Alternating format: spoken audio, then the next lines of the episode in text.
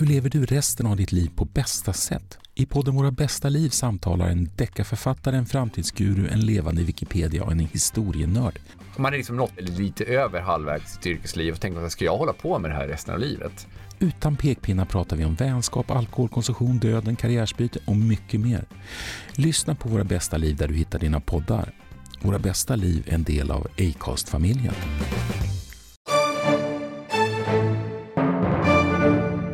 Då har man ju den här grundinställningen, om vi nu backar till, till början, det här med mörk medeltid, där folk var på ut vidskepliga, korkade, trodde på häxor och trollkarlar. Och det skulle ha varit någon sorts ursprungstid för det som sen blir häxförföljelserna. Men där kan vi faktiskt ge den tidiga medeltiden godkänt. För detta stämmer inte alls. Kyrkomännen, alltså prästerna som då långt senare på 1500 och 1600-talet skulle gå i spetsen för att bränna häxor på bål, de är helt emot tanken på att det ens kan finnas verkliga trollkarlar och häxor under den här epoken.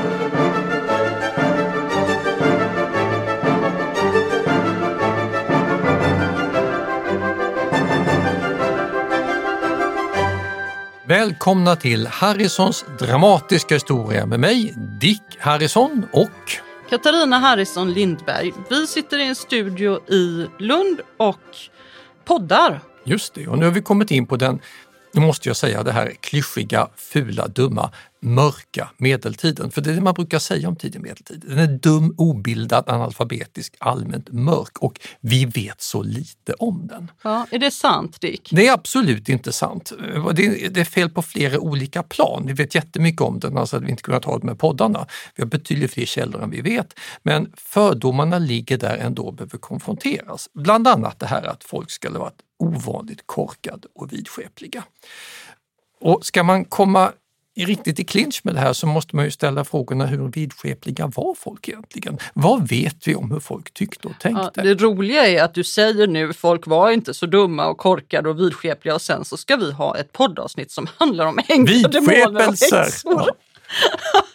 Nej, att vi kan ha det, det beror på att det sitter en massa besserwissrar, förståsigpåare och forskare, akademiker redan då och klagar över vidskepelse och skriver ned om dem. Och det är det som gör att det här blir spännande. Det är från och med nu som vi på allvar vet hur folk tycker och tänker, även när de är dumma, enligt vårt bildade upplysta sätt att se. Så nu ska vi ha lite stickprov i medeltida folktro från den äldsta medeltida epoken. Vi ska möta änglar, demoner, häxor, trollkarlar, astrologer och andra företeelser som befinner sig i ja, bildningens utmarker. Ja, det här blir faktiskt eh, det blir intressant. Ja, och... Jag vet inte jättemycket om änglar faktiskt. Du vet säkert mer om änglar än vad jag vet. Jag vet en hel del om änglar och det beror på att jag har deltagit i en del projekt, framförallt nere i Italien, som har visat hur änglar började gestaltas under den här epoken. De hade fått vingar då till exempel. Det hade de inte innan. Under tidig medeltid så fick de vingar för man trodde att de kunde flyga. Dessförinnan så brukar man tänka sig dem som vanliga människor. Änglarna det är alltså då ljusgestalter och budbärare och i Bibeln så har de framförallt funktionen att göra folk skräckslagna för att de kommer med gudomliga bud. Man dyrkar dem inte på samma sätt och de är framförallt väldigt få. De här tidigmedeltida änglarna som börjar dyka upp med vingar, de har många fler rötter än de kristna. Det är troligt att de tidigare har fungerat som någon sorts daimones, alltså andar som far runt i Grekland och Italien och som folk tror på, som, som har gett dem någon sorts inspiration, lite sjätte sinnet. Sokrates som ska ha inspirerats som är daimon. Men man inte lyckas utrota tron på de här andarna, då införlivas de med kristenheten och får epitetet änglar istället. Ja, det låter ju som att tack vare Daimones så kom änglarna att bli någon sorts ja, vinnare helt enkelt. De, eh, och de blev vanliga. Ja, och eftersom de nu var tvungna att flyga runt och inspirera folk ja. så måste de ha. Så måste de ha vingar. Som eh, Gustav Dorés illustrationer eller eh, frimärksänglar, eller inte fri, vad heter det, bokmärksänglar. Precis. Och sånt. Men de hade också personliga namn och egenskaper och, och, och olika hierarkiska nivåer. Så att det blev som en hel... Eh, samhälle nästan skulle man kunna säga av de här änglarna. Överst stod den här profetiske Gabriel. Den Gabriel som Muhammed träffade Ja, på. precis. Jibril som då ska ha gett honom Koranen. Så alla gillade änglarna, Ja. både kristna och muslimer. Och den starke Mikael som var jättepopulär under tidig gärna medeltid. svärd i hand och döda drakar. Sen fanns det en som hette Rafael som ansågs läkekunnig. Och så fanns det en som var en eldängel som hette Uriel. Och sen drösvis med andra Och så änglar ja, massor med, med mer eller Tobi, mindre Helgero, Helromihel och så vidare. märkliga namn.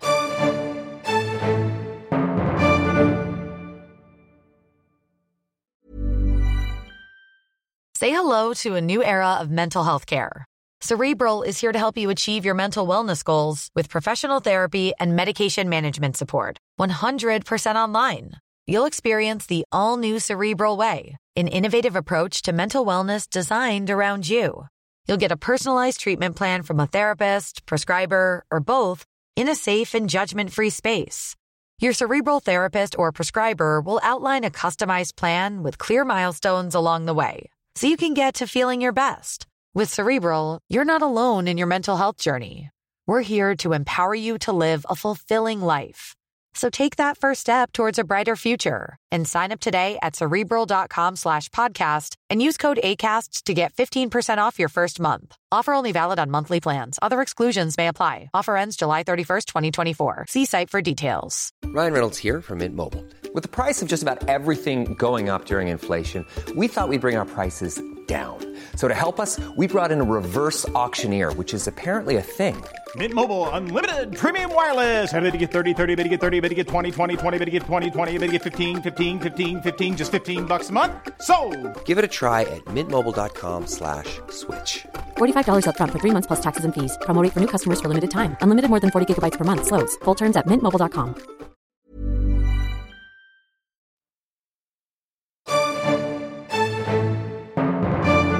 Men alla de här är änglar, olika grader, olika duktighet och de är goda krafter. Men Daimonestic, jag tycker det låter som demoner. Ja, det är det också. Alla de här varelserna som man under antiken i folktron trodde flög runt och inspirerade folk, all inspiration är inte av godo. Sokrates daimon, ja den gav honom goda idéer. Andra daimoner kan hitta på bus. Och de kan du inte göra om till gudomliga budbärare. Alltså folk som ställer till en massa elände och så vidare, då far in i folk och får dem att göra dumma saker. Onda andar. De måste man också hantera för de tror folk också på. Alltså får de bli någon sorts ja, satanisk härskara som är oppositionspolitiker i sammanhanget, alltså demoner. Men trodde kyrkan på demoner? Alltså ursprungligen på onda andar som kan fara in i folk, det, det är belagt i Nya Testamentet för det var så vida spritt att det trodde folk på. Sinnessjukdom förklaras ofta med onda andar. Däremot så finns det ingen teologisk uppfattning om vad en demon är för någonting och hur den står i relation till andra demoner. Det är sånt som kommer ungefär samtidigt som man utvecklar tron på änglarna. Och när, om vi flyttar fram till ja, sent 500, tidigt 600-tal, då finner vi ju en sån som påven Gregorius den store har blivit så pass troende på att demoner existerar att han kan lägga in dem i roliga historier och sedelärande berättelser. Till exempel hur en nunna som äter för glupskt vräker i sig mat och blir besatt av en demon, ja då är det för att hon gjorde inte kosttecknet över salladsbladet. Och när en exorcist tillkallas så säger demonen, ja, jag besatte henne men det var inte mitt fel för den där glupska nunnan åt upp mig. Ja, herr demon, ni har rätt. Nunna, gör inte om det här. Det låter ju som demonerna fungerar som syndabockar. Väldigt ofta så kommer de att fylla den funktionen i folkkulturen. Det var inte jag som gjorde det, det var demonen som fick mig att göra det. Och den här ängla-demon likställigheten med de här två konkurrenterna, den kommer sen att bilda skola och den har vi med långt in i nutiden. Jag menar, Kapten Haddock ligger där och försöker sova. Det finns en whiskyflaska bredvid. Så Ska kom- han ta den? Ja, ta den DH på bröstet och dricka lite whisky, säger Haddock-demonen. Nej, ta den inte! Låt den vara, du blir bara full och dum. Ja, den typen av historier dyker alltså upp redan på 500-600-talet. För då hade den här daimones-uppfattningen övergått till änglar och demoner på ett sätt som folk gillade och som prästerna accepterade. Och sen dess har vi haft den kvar, för vi har alla tyckt att det här, oavsett om vi tror på det eller inte, så är det så pass bra metaforiskt att vi vill inte släppa det. Men hur blev man av med en demon då? För att om man nu tänker sig att de här verkligen var ja, ja, verkliga. Som den här, du drog den här berättelsen med nunnan och demonen på Jag kan ta en salladsbladet. till. Och, Jag, jag kan ta berättelsen om den eh, fulle prästen som eh, kom hem. Det är också från Gregorius den stores dialoger. Han ska då ha kommit hem, han heter Stefan, en kväll, trött, obetänksam, hade suttit för länge på krogen gissningsvis och så tillkallar han sin tjänare med orden Veni diabole, discalcia me. Kom hit och ta av mig skorna, din jävel. Notera att han säger din jävel diabole på latin. Och diabolus, djävul, är synonymt med demon. Och då sitter det en demon i närheten som antagligen sitter och sover, minding his own business. Men när han hör en präst besvärja honom, kom hit din djävul och ta mig skåna, ja då måste man ju lyda. Han har åkallat mig. Så då börjar skorna eh, knytas upp av sig själva, av en osynlig varelse. Och Stefan inser att jag, oj då, jag har råkat åkalla en demon. Jag måste sluta vara uppe så sent, dricka så mycket, bete mig så illa. Men såsom präst har jag också exorcistmakt så jag kan besvärja demonen att lägga av och säga förlåt demon, jag syftade på min mänskliga tjänare, du kan gå tillbaka. Alltså kalla på en exorcist så funkar det. fungerade det med eh, kors? Inte än så länge. Det kommer. Alla de här knepen för att bli av med demonen, de byggs upp, läggs till successivt från den här epoken och framåt. I, den här, I det här läget så är det framförallt ordet som fungerar. Du måste ha makt bakom ordet. Ska du åkalla en demon kan du inte vara vilken liten bonde som helst. Du måste ha pluggat, du måste ha kraften, lärdom, då kan du manipulera det och då kan du också bli av med den. Längre fram under medeltiden och ännu längre fram på 1700-1800-talet, då kommer man att utveckla det här med att demoner kan åkallas på vissa speciella sätt. Du kan sluta avtal med djävulen om du skriver ditt eget blod till exempel. Alltså du kan ha flera olika varianter som vanligt folk tror sig kunna lära sig. Det här låter ju väldigt eh, osannolikt. Har, har folk gjort det här på riktigt? Oh ja, men det kan vi komma till i en senare poddavsnitt. Framförallt på 1700-talet var det gott om stockholmare som sålde sig själv till djävulen. Okej, ja, det, Idel karlar. det är ett senare poddavsnitt, det hör ju jag det. Eh, Men de, det- min poäng här är att hela den här idén att du kan manipulera krafter, det är ungefär som det här med helgon. Folk ville tro på sånt här. Och kyrkan klarade inte av att kväsa det och då ser man till att sätta kristna etiketter på det. Och så fick vi en massa helgon och en massa demoner. Sen bör man komma ihåg att det här är inte nödvändigtvis länkat till himmel och helvete, utan det här är luftlagren kring människorna. Bara för att man har demoner runt omkring sig så innebär inte det att de har kommit ut ur en vulkan och bor nere i Gehenna. Alltså det, det krävs mer tankearbete för att man ska ha länkat dem till djävulens härskare och helvetet. Överhuvudtaget så helvetet är också sån här sak som man börjar utveckla. Ja, för det hade man inte kommit överens om var det skulle ligga än. Eh, om vi, tänk, om vi nämner Gregorius den store till exempel, han trodde att eh, helvetet antagligen låg i underjorden eftersom det latinska ordet för, för, för det var infernum, alltså Där nere ja, där nere. Att det, det är någonting som ligger under där vi är just nu. Men man hade inte befolkat det med allsköns pinohålor och Nej, småjävlar. så man visste inte hur, hur det såg ut. Man, och man hade inte heller bestämt det här med som den katolska skärselden till exempel. Det var ingenting som man hade. Man Nej, det står inte nämnt i Bibeln Nej. och ingen under tidig medeltid kom på tanken att lägga till det, utan det kommer senare. Man bättrar på uppfattningar när man ställer frågor. Ja, men vad hände sen? Hur ser det ut där? På så sätt byggs helvetet och skärselden ut senare.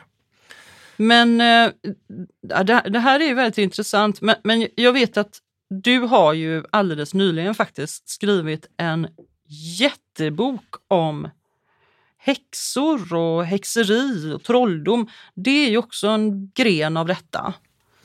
Ja, och då har man ju, bra att du tog upp det, för då har man ju den här grundinställningen, om vi nu backar till, till början, det här med mörk medeltid, där folk var ut vidskepliga, korkade, trodde på häxor och trollkarlar. Och det skulle ha varit någon sorts ursprungstid för det som sen blir häxförföljelserna. Men där kan vi faktiskt ge den tidiga medeltiden godkänt. För detta stämmer inte alls. Kyrkomännen, alltså prästerna som då långt senare på 1500 och 1600-talet skulle gå i spetsen för att bränna häxor på bål, de är helt emot tanken på att det ens kan finnas verkliga trollkarlar och häxor under den här epoken. Vad de menade var att visst, det finns människor som är dumma och tror att de kan utöva magi.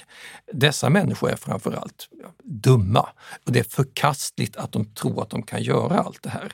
Men det är inte brottsligt att de utövar någon sorts makt för de har ingen makt att utöva. Det brottsliga är att de är dumma nog att försöka.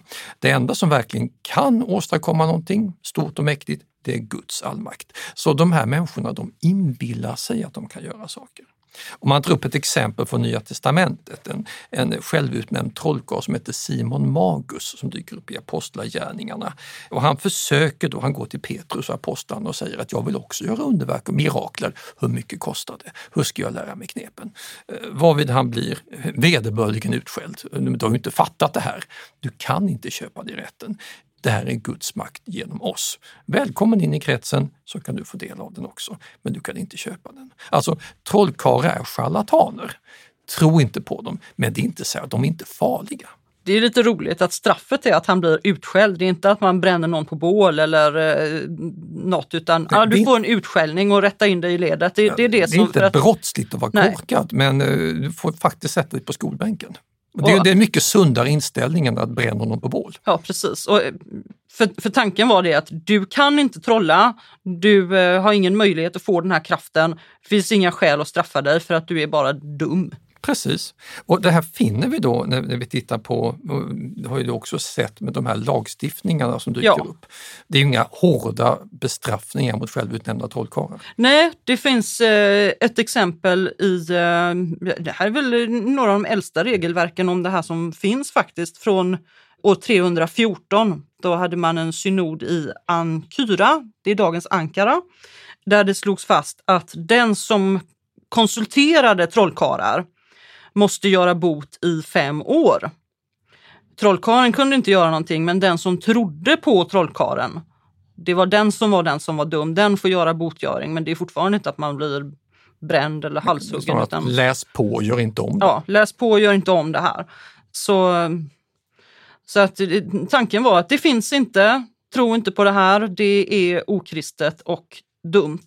Jag tror faktiskt man träffar på det här hos heliga Birgitta också, om jag inte minns fel. Ja, det är sista fasen man träffar på det, för efter hennes tid så blir kyrkan mycket tuffare och byter För hon är ändå så här att den enda som kan göra under, den enda som kan göra någonting stort, det är Gud. Om ni, eh, jag tror det är i samband med tomtormar hon Precis. skriver om det här och tomtegubbar, att människor vänder sig till dem och ger dem gåvor och tänker att de ska komma och rädda huset, skörden, alltså, se till att det blir bra hemma på gården.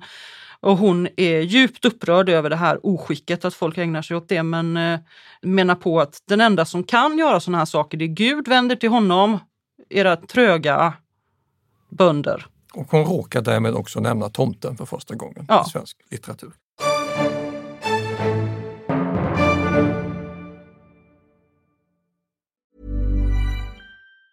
Say hello to a new era of mental health care. Cerebral is here to help you achieve your mental wellness goals with professional therapy and medication management support. 100% online. You'll experience the all new Cerebral Way, an innovative approach to mental wellness designed around you. You'll get a personalized treatment plan from a therapist, prescriber, or both in a safe and judgment free space. Your Cerebral therapist or prescriber will outline a customized plan with clear milestones along the way so you can get to feeling your best. With Cerebral, you're not alone in your mental health journey. We're here to empower you to live a fulfilling life. So take that first step towards a brighter future and sign up today at cerebral.com slash podcast and use code ACAST to get 15% off your first month. Offer only valid on monthly plans. Other exclusions may apply. Offer ends July 31st, 2024. See site for details.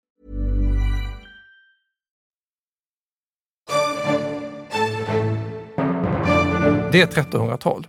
Ankara-synoden är 300-tal. Det var alltså tusen år av kyrklig kamp mot vidskepelse. Sen vänder det och det ska vi återkomma till senare. Kyrkan trodde alltså inte på häxor och trollkarlar. De trodde inte att det här existerade. De kämpade för att folk skulle sluta tro på det. Men det gjorde de ju inte. Nej, och den här lärda teologin den hade dessutom en annan fiende, nämligen kungar, hertigar och domare. De tror på häxor de också. Så bara för att man har någon sorts andliga experter som säger att nej, det finns inte, så innebär inte det att de som stiftar lagarna hänger med, för de är fortfarande rädda för såna här trollkarlar. Och tittar man på eh, de olika eh, krönikorna från tidig medeltid, tittar man på lagstiftningen som dyker upp så finner man att eh, kungarna fortsätter att beivra trolldomsbrott. De fortsätter att tro att det här kan vara farligt. Läser man Gregorius av Tours stora eh, verk från 500-talets Frankrike så överflödade av trollkarlar, och spåmän, Harrioli, Auspices, Sortilegi, Incantatores som folk envisas med att konsultera. Nästan som den där spåmannen i Asterix som Ja. dyker upp. Folk vill tro på det och då hjälper det inte att man kommer där med predikan och säger att vad dumma ni är, det här finns ju inte. Nej, och jag tänker om man ska förstå varför man håller på att älta där hela tiden och varför kyrkan var så fientlig och motstånd, alltså att, att man var motståndare till det här.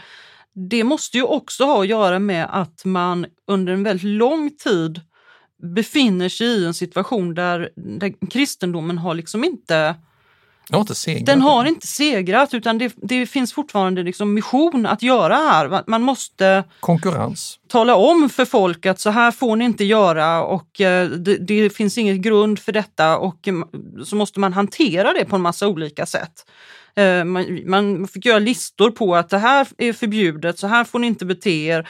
Till exempel i äldre tid så fanns det traditioner med att ah, man kunde dansa eller offra till avgudabilder vid källor och stenar och man hade likvakor med eh, partaj och det, alltså man, man, man firade eller mindes saker och ting på ett helt annat sätt som inte ansågs kristet. Och då var man tvungen att tjafsa om det hela tiden, att få folk att sluta. Det här är ju jättekul att man tjafsar för just därför vet vi vad folk höll på med. Det är ett jättebra exempel. Vi hade ju i en tidigare podd med, med de här najaderna och, och, och- och det att folk tro, envisades med att gå och offra vid källor som man hade gjort för alltid. Och för att få dem att sluta så var man tvungen att vi gör det till en kristen grej helt enkelt, för det gick inte att få folk att lägga av. Och så skriver man om det och just därför vet vi vad man höll på med. Hela julfirandet har faktiskt en grund i detta. Ja, för man firade väl inte jul? Man drack väl jul? Ja, man drack jul och eh, julen hade ju ingenting med, kri- med Kristi födelse att göra utan det var en äldre högtid. Alltså man firade vid, vid vintertiden så var det så ville man fira på olika sätt och det var helt omöjligt att få folk att sluta. Så till slut så bestämde man sig för att vi måste göra det här till någonting kristet. När föddes egentligen Jesus? Och så börjar man räkna och så bestämmer man sig för att ah, men, åh, det är ju precis här och och, och där. Då kan vi göra de här, det här firandet så att det faktiskt har med Jesu födelse att göra istället. Ja, just och så har vi parallella då julfiranden där man dels dricker sig hejdlöst berusad eller dricker åt asagudar eller bara dricker och så har du midnattsmässan och så försöker prästerna lägga någon sorts kristet filter över det. Och så här är det ju långt fram i tiden, Ja. hundratals år. Så genom att titta på de här klagomålen över folklig vidskepelse så lär vi oss om vidskepelse. Vi har, vi har ju de här stormmakarna till exempel, de tycker jag är festliga Ja, tempestarierna som ingen har hört talas om idag, men som är ganska roliga som exempel på bortglömd vidskepelse. ja. En som eh, nämner dem det är en, en biskop Agobard av Lyon. Han angrep det här tempestari-fenomenet på 810-talet. Enligt honom så var det så här att folk trodde att de här stormmakarna de var förbundna med ett land långt borta som liksom låg uppe i himlen någonstans eller så. Magonia hette det. Och där färdades man på stormmoln och flög ibland ned till jorden för att stjäla säd från åkrarna. Det här var vad folk trodde på, säger han då. Och han Eh, tror inte på det. Nej, han tror inte på det här. Eh, Och det fanns egentligen bara ett enda botemedel mot det här och det är att man fortsätter med ett envetet kristet upplysningsarbete så att folk äntligen ska lägga ner det här tramset. Folk tror alltså att det finns folk som reser runt och flyger, inte bara änglar och demoner utan människor som lär sig göra det här också. Det låter lite som valkyrior som reser runt. eller Ja, det gör det. Häxor på kvast. Ja, och det, det här är inte enda eh, exemplet på att man har inbillat sig att folk skulle kunna flyga. Vi hittade faktiskt i Norden också. I Havamal, Eddadikten, så nämns det trollkvinnor som högt i luften leka. Uppenbarligen så kan, har de förmågan att ja, flyga. Det går inte att förklara på något annat sätt.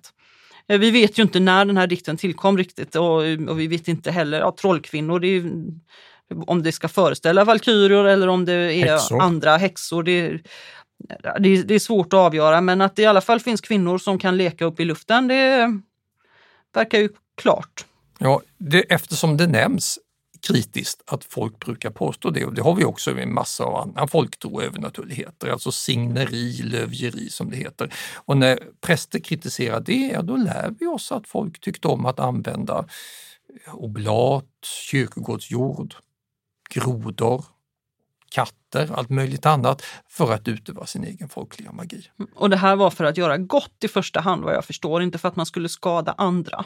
Nej, men sett ur kyrkans perspektiv så är ju allt det här förkastliga Ja, ja, ja, naturligtvis. Och därför nämner man det.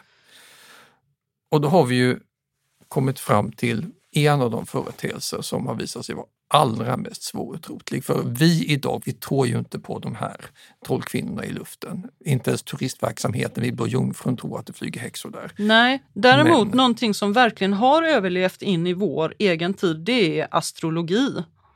Eh, och det var ju också ett av de här spåren, ovetenskapliga folktro-grejerna som Ja, och få saker förmår reta gallfeber på moderna vetenskapligt skolade människor lika mycket som det här. Jag stör mig enormt på vad folk tror på det här och jag är inte ensam om det. Alltså tron att solen, månen, stjärnorna, planeterna och andra himlafenomen påverkar händelseförlopp på jorden och därför kan studeras i avsikt att utröna framtiden. Under antiken så har det här varit jättepopulärt. Eh, alltså dåtidens astrologer, de var väldigt ofta anlitade och prästerna på kyrkomötena vände sig strikt emot det här och sa att det här är ju bluff. De kan inte förutse någonting. Himlafenomenen påverkar inte jorden. Det gör människan själv genom sitt handlande och Gud, men inte stjärnor och planeter. Sluta med det här. Man förkastade det fullständigt. Men när vi flyttar fram en bit in i tidig medeltid så har attityden förändrats fullständigt. Ja, för det slår mig att man har ju träffat på präster som är jätteintresserade av eh, himlafenomen och astrologi långt fram i tiden, på 1500-1600-talet och säkert ännu senare. Så här har ju någonting skett. Mm, och den här processen kan vi undersöka i detalj. För det första, när man nu sitter och diskuterar de här svårutrotliga folkliga vidskepelserna. För det första kom vissa typer av förbjuden magi att uppfattas som mer förbjuden och farlig än andra. Om man nu ska attackera korkade människor för att de är vidskepliga så får man rangordna dumheterna för att veta vilket som är viktigast att attackera. Och jämfört med andra hedniska faror, till exempel blotande åt avgudar och annat, så är astrologi relativt lindrigt som hot. De som nu sitter och studerar planeter och stjärnor, de är ju i allmänhet inte ute efter att eh, aktivera någon förbjuden gudom för att döda grannens boskap eller något sånt, utan de är intellektuellt intresserade.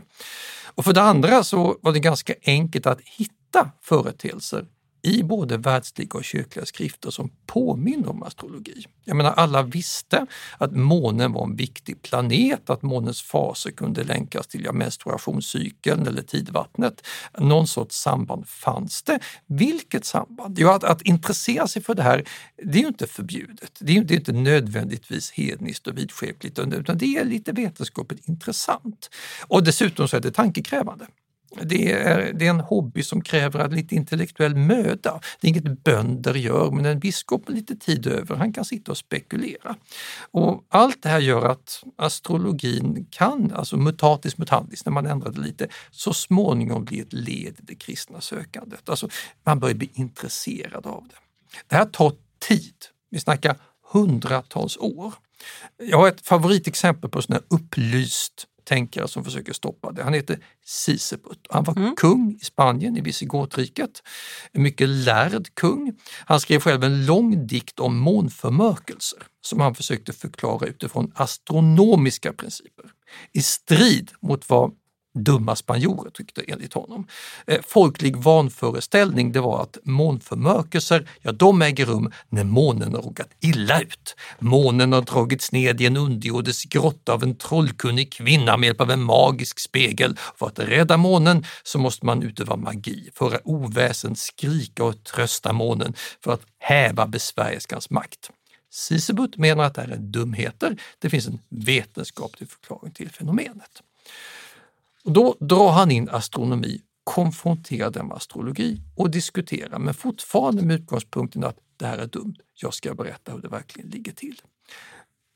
Lite senare så börjar man göra skillnader. Isidoros av Sevilla, bara något decennium senare, lägger fram att det finns olika typer av astrologi. Nyttig astrologi och onyttig. Jag menar den astrologi som säger att jag ser på solens gång att det snart blir sommar. Det är dags att få vårsadeln klar. Låter bra. Det är en bra, bra. Eller att jag, jag kan nu förutspå att det kommer bli mörkare ty jag ser att det är höst. Självklart. Och det här är ju, sådana där saker är viktiga för bönder. När ska man odla, när ska man skörda? Ju, ju mer man diskuterar det här, desto vagare blir gränsen medan, mellan nyttig och onyttig. Och på 800-900-talet, då sväljer man allt. Då kan kometer resultera i att man tror att det blir krig och då kan man sitta och spekulera astrologiskt med zodiakens tecken. Och då har man gått från totalt förkastande till att man anammar allt med hull och hår. Alltså folkliga föreställningar segrar och de intellektuella tar över fullständigt. Ja, så de här många, många små stegen då skulle man kunna säga eh, gjorde att astrologin faktiskt ja, lyckades smyga sig in under kristendomens ja, paraply. Och eh, en sån som Isidoros då, han, han bidrog Ja, till det får man kan säga. jag näm- nämna lite om honom. Han är alltså helt glömd idag. Men Isidoros av Sevilla skriver alltså en hel egen encyklopedi. Alltså i flera band. Så man sitter med sitt lilla forskargäng i Sevilla och vi vet att, det här är ju handskrifter, tidig medeltid, 600-tal. Vi vet då tack vare alltså, notiser i brev från Irland och Skottland att bara några decennier senare så hade man avskrift av encyklopedin hela vägen uppe på hebriderna.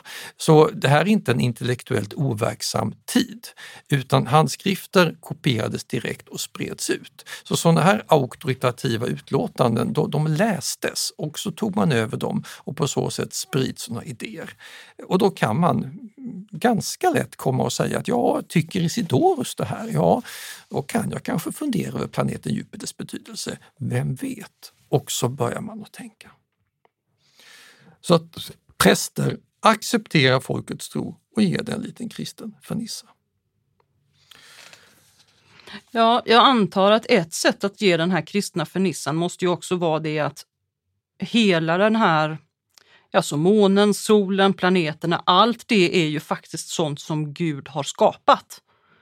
Att börja läsa det kan ju vara ett sätt också att se att alltså- Gud har en poäng ja, här. Gud har en poäng här. Men precis. det är vi smartisar här som kan räkna ut den och det kan ju inte vara fel. Tänkte man så?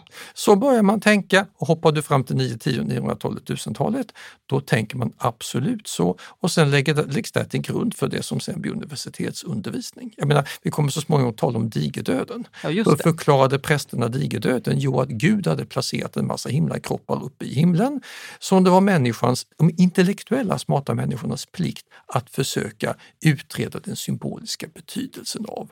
Mars, vad vill Gud säga med Mars? Ja, blodig, jobbig planet, blodig, mörk, röd, varslar säkert om krig och död. Jupiter, stor planet, varslar säkert om stora händelser. Saturnus, ond, gammal planet, ja, säkert ondskefulla saker. Och så vilket tecken står den i? Det är så här man vid Sorbonne-universitetet i Paris förklarar digerdödens ankomst på 1300-talet.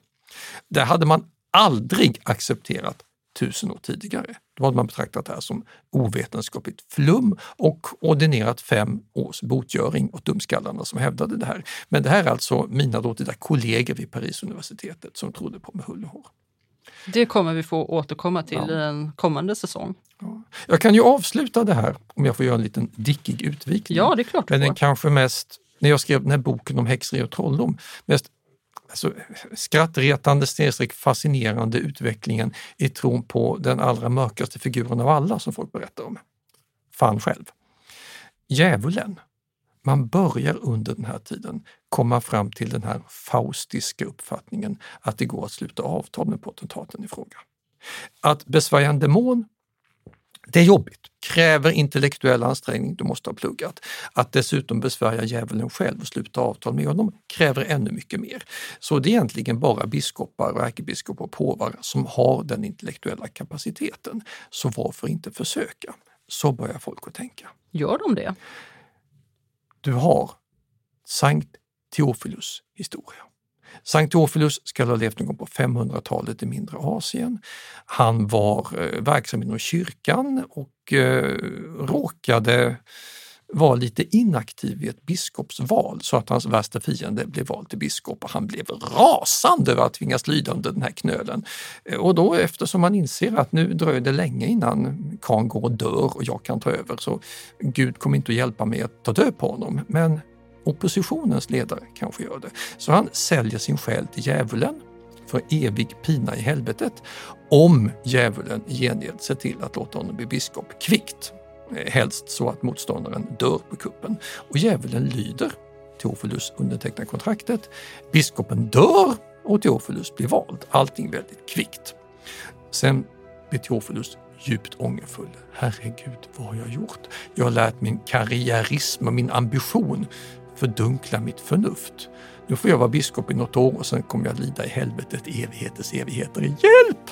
Och så ber han då till alla möjliga helgon och Gud och Jungfru Maria och håller på i 40 dagar hoppas att någon ska lyssna. Gud och Jesus gör det inte. Helgonen inte. Jungfru Maria tröttnar till slut på tjatet och säger ja, du verkar vara sant botfärdig så jag ska ta upp det här med Gud och så ska du nog slippa undan. Ja, svaret är ja. Du är sant botfärdig. Du är nu befriad från djävulspakten. Men det måste ju djävulen tycka Djävulen blir ju, med rätta skulle man hävda, djupt upprörd över detta avtalsbrott och tänker absolut inte släppa sitt byte utan morgonen därpå vaknar Tofilus med kontraktet fastnitat på bröstet. Det gäller. Och då vet han ju inte vem har rätt här, vilken juridisk institution är sann. Så då får han gå till en biskopskompis som är ännu mer lärd, ännu mer intellektuell, pluggat ännu mer. Och så han ger då utslaget att Jungfru Marias ord väger tyngre än djävulens. Och då är han lättad, så lättad att han dör av en hjärtattack på kuppen. Och kommer till himlen och blir Sankt Teofilus de botfärdigas skyddshelgon. Det här tror säkert inte folk på. Det här är entertainment och underhållning. Det här gör man skådespel om under medeltiden.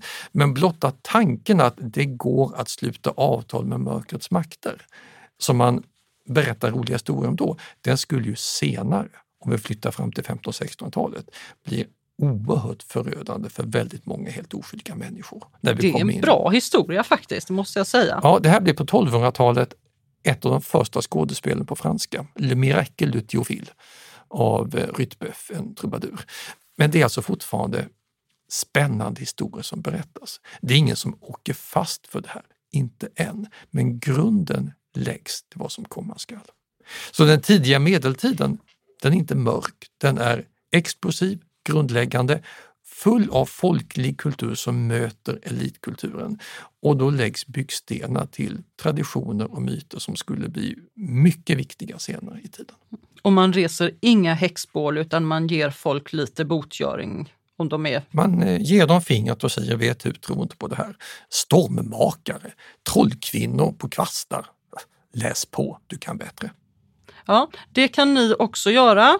Tycker ni att det är spännande med häxor och sådana här saker så har faktiskt Dick skrivit Ondskans tid Ja, heter den. Ondskans tid heter boken. Den är tjock, men du har också skrivit en eh, lite tunnare grej om häxeri, eller hur? som bara heter häxprocesser, men Ja. det, är- det är en liten light version. Men det viktigaste som vi egentligen förmedla här, det är att allt det här vet vi på grund av att det finns källor kvar. Texter som fortfarande existerar från de här så kallade mörka tidsåldrarna. Så här många källor med så här mycket information till och med om vanligt folks dumma åsikter om stormmakare, häxor och trollkarlar. Att vi vet så här väldigt mycket beror på att det är ingen mörkepok. Så här många källor ger oss en ljus, spännande epok där mycket forskning återstår att göra. Mm. Nästa avsnitt av den här podden kommer att handla om någonting helt annat. Ja, för nu har vi stirrat oss väldigt starkt inriktat på skriftliga källor hela tiden. Och det har blivit dags att titta på lämningar i kulturlandskapet. Ja, det måste bli lite hands-on nu. Vi ska, vi ska gå ut och titta på fornborgar. Absolut, och de har vi runt omkring oss i vårt eget landskap också. Så eh, tack för idag och väl mött bland fornborgarna nästa gång.